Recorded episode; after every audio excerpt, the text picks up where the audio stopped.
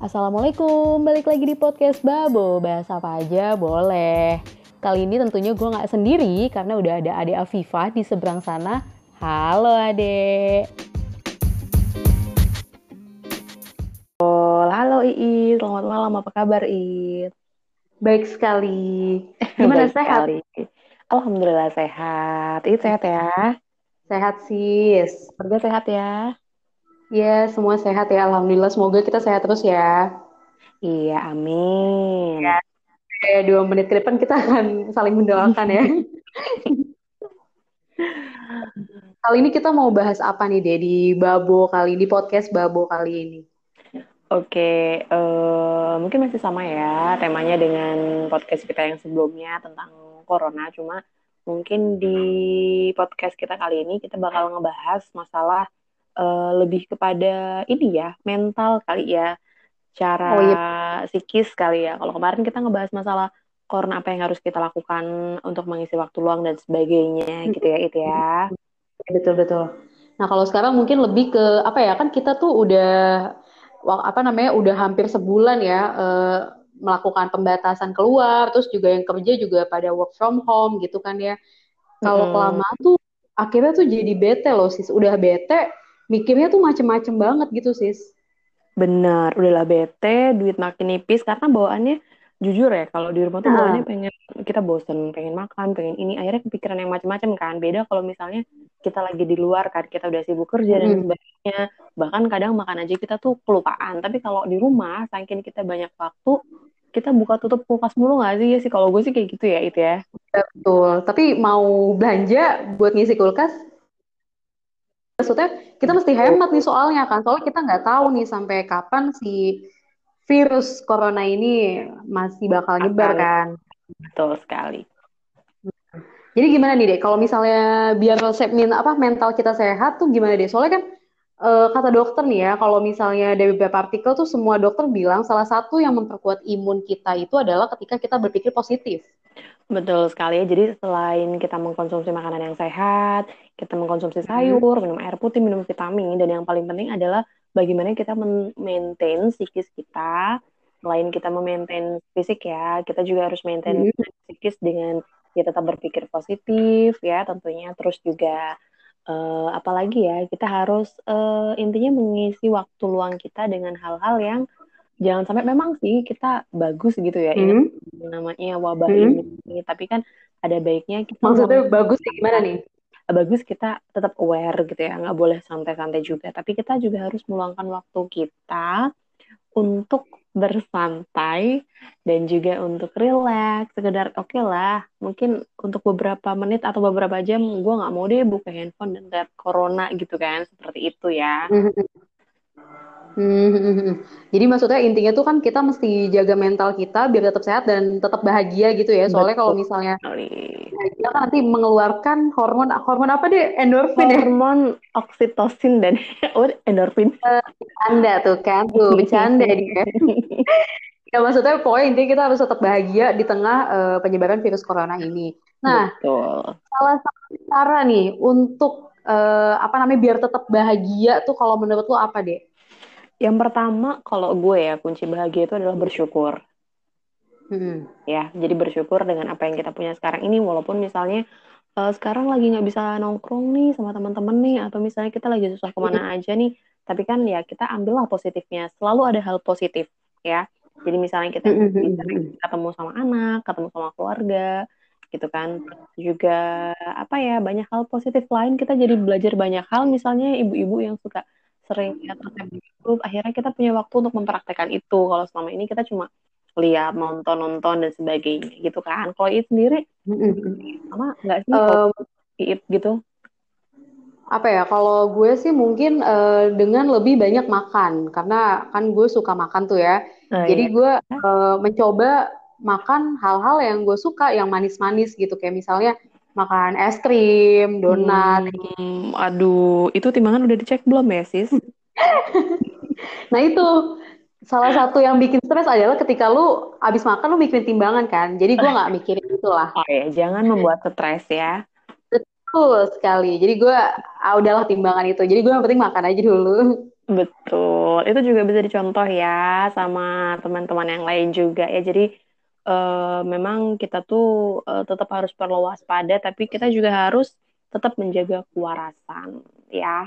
Gitu. Eh terus deh kalau misalnya menurut gue nih ya, eh kalau menurut lo gimana nih? Tapi kalau menurut gue penting juga uh, buat kita ngebatasin baca berita soal corona sih menurut gue, karena lu sadar nggak sih kan setiap hari tuh ya diumumin gitu uh, selalu ada penambahan pasien positif COVID gitu ya. Betul ya dan, dari Pak Yuri itu ya. Yuri ya kan dan maksudnya jujur aja ketika gue gitu kan ngelihat tiap hari nambah nambahnya tuh kayak hari ini kan 200 lebih ya itu kayak mm -hmm. langsung udah 2700 something gitu kan nah maksud gue akhirnya orang banyak gak sih yang juga jadi stres ketika kebanyakan baca berita soal corona gitu Iya menurut gue itu juga mengakibatkan kita parno, jadi panik buying dan sebagainya. Cuma ya susahnya orang Indonesia tuh gitu. Ketika hmm. kita udah uh, pemerintah maksudnya kan bukan buat nakut-nakutin kan, tapi untuk kita lebih aware bahwa ini loh bahwa uh, virus ini tuh serius itu agar orang-orang tuh tidak menyepelekan gitu kan. Tapi ketika kita ya udahlah jangan terlalu sering baca tentang berita ini itu tentang corona akhirnya bikin panik. Tapi justru masyarakat kita tuh jadi malah santai hmm. kan. Gue udah baca dan lihat beberapa ruas jalan di ibu kota tuh udah macet lagi gitu kan. Hmm. itu hal yang membuat gue bener-bener ya ampun aduh ayolah pemerintah kita tuh lagi susah loh lagi bingung dan sebagainya. Tapi uh, kita tuh jangan terlalu santai juga seperti itu. Nah kalau gue sendiri salah satunya adalah dengan cara hmm uh, gue uh, baca-baca jadi itu ada ya uh, laman Facebooknya Good News from Indonesia. Jadi di situ hanya memberitakan berita-berita yang baik aja. Kalau gue sih obatnya sih itu gue selalu buka untuk mengimbangi ya. Jadi nggak semua berita yang gue bad news is a good news right? Yes. cuma gue mencoba uh, apa ya mengimbangi asupan berita yang masuk dengan membaca Good News from Indonesia itu. Jadi di situ ada banyak berita-berita bagus untuk mengimbangi berita yang gue baca setiap harinya gitu. Bener juga sih ya, mungkin salah satu caranya adalah uh, lu baca berita tetap, tapi mungkin lu sortir. Jadi misalnya hari ini ada uh, apa namanya 10 isu yang lagi in soal corona, mungkin lo bacanya banyakin yang positifnya ya.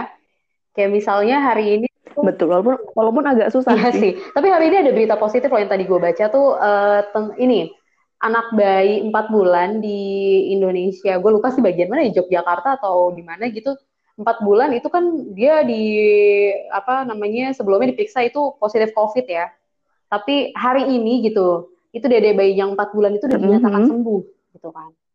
Nah itu kan salah satu good news maksudnya mm -hmm. wah alhamdulillah gitu kan udah sembuh. Mungkin beberapa hal selain kita baca berita kan capek juga ya baca mm -hmm.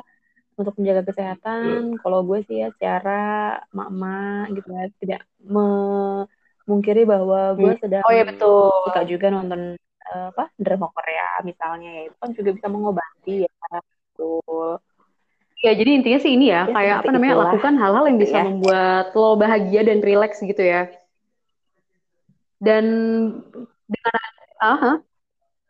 mm -mm, kadang uh -uh Mm-hmm. Ya kayak misalnya gue berpikir juga misalnya pengen merelaksasi diri sendiri dengan misalnya uh, pijit, cuma kan masih takut juga gitu pijit ya, ya huh?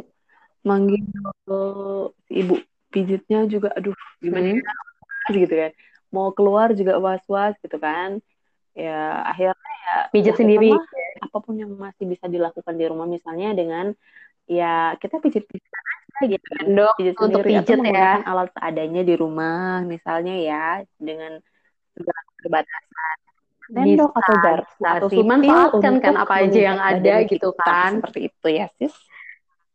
Eh tapi ya sebenarnya dengan adanya apa namanya pembatasan sosial ini nih kalau menurut ini sebenarnya malah bisa lebih deket loh. Jadi lu uh, kalau gue sih ya akhirnya gue suka komenin uh, apa teman-teman misalnya biasanya teman-teman di Instagram ini ada beberapa yang emang gue jangan komen kan. Tapi karena gue nggak ada kerjaan gitu kan di rumah jadi akhirnya gue balas apa balasin komen komen mereka terus juga uh, yang biasa jangan gue komen ya gue komen komenin gila itu mempererat tali silaturahmi banget betul makanya kan si WHO ini ya mengubah yang namanya istilah social distancing dengan physical distancing. Jadi sosial itu kita nggak perlu distance, justru lebih didekatkan. Iya betul betul. nah terus kalau misalnya buat uh, pendengar semua nih, menurut gue, buat kita semua deh, itu kalau misalnya lagi jomblo gitu, itu bisa juga loh pas lagi coronaan gini, lo speak speak gitu kan kegebetan. Kita barangkali kelar corona langsung nikah kan ya bisa bisa gitu nggak sih bisa? Nah kemarin juga pemerintah ini ya apa membatasi ya. Jadi kalau untuk yang nikah nggak boleh nikah sekarang ya. Ini mumpung loh kesempatan loh buat yang uh, budget terbatas gitu ya. Mau nikah tapi ya Iya bisa. Pokoknya manfaatin aja momen-momen ini dengan apa ya hal-hal yang menyenangkan gitu ya. Kayak misalnya kita bikin uh, podcast walaupun lo di Tegal kan ya. Terus suaranya putus-putus gini kan. Eh kalau misalnya di, uh, di Tegal nih kan lo okay, kan pegawai Kemensos Tegal ya. banget ya. Nah itu nah itu sampai mm -hmm. kapan tuh udah ada pemberitahuannya belum? Nanti bakalan ya pembatasannya sampai kapan? Uh, belum sih, belum ngerti sih. Cuma sejauh hmm. ini gue masih berangkat piket dua minggu sekali gitu. Cuma belum ngerti ya. Tapi kalau untuk hmm. sekolah gitu kan diperpanjang sampai 29 April kalau nggak salah ya. Hmm, cuma nggak tahu ya. Mudah-mudahan sih uh, apa ya? Iya, gue takutnya sih gini ya. ya kalau misalnya sekolah liburnya kelamaan, pas masuk mereka udah jadi PNS. Gitu sih, sih. Nah, uh... Iya. Oh kurang, oh kurang nggak apa-apa ya. Udah kan dicoba. kurang bu, ya nggak apa-apa. Gitu. Iya. Oh, kenapa? Dicoba lagi. Linglung, okay. linglung, betul. Iya, takutnya linglung. Jadi iya, pas linglung ke sekolah kayak linglung ya kok aku udah jadi PNS oh dilanjutin. Bu? Halo ibu? Aku tuh bersama Adia Viva seperti telepon-teleponan gitu. Jadi kayak uh, kalau misalnya ada tiba-tiba putus menghilang seperti ini ya. Nah, terus dia muncul lagi seperti ini kan, gue nah. jadi pusing dia muncul ada ya, ada ya, nggak hilang hmm. ya?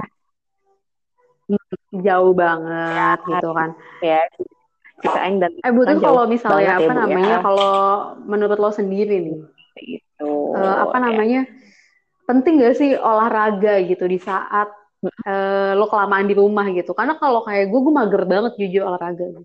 Penting dong harus.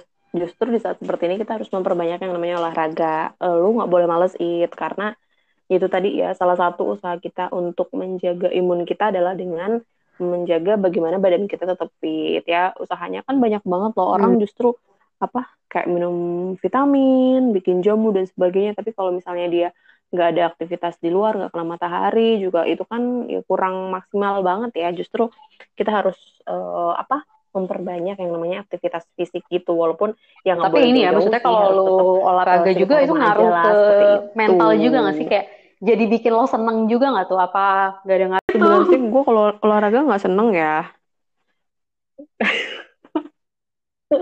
Enggak, emang olahraga apa aja yang udah lo lakuin? Mengiris dan mengupas bawang. Oh, sekali. Terus kemudian mencabut rumput. Tunggu Ya, ya, ya, ya, bener-bener. Kemudian itu ini ya, popok bayi. Betul. Itu dan kan apa namanya melatih ya. uh, otot bicep dan tricep ya. Betul, ibu ya. Seperti itu. Kalau itu sendiri saya olahraga jujur uh, dari 100% saya 80 persen sih. Perbahan, perbahan. Minum ke toilet kayak gitu sih 20 Olahraga jari. Iya, saya ambil minumnya di toilet. Ah, Bu, soalnya. Ambil minum ke toilet, Bu. Bu. ya maklum ya teman-teman ya udah. Aduh, nah iya kalau misalnya apa namanya ya? tapi intinya sih gitu ya. Intinya adalah uh, udah, udah, di udah, kondisi-kondisi kayak gini yang kita nggak tahu sampai kapan ini penting banget buat kita. Ya udah kalau gitu. Ya, sampai jumpa di podcast babo selanjutnya. Assalamualaikum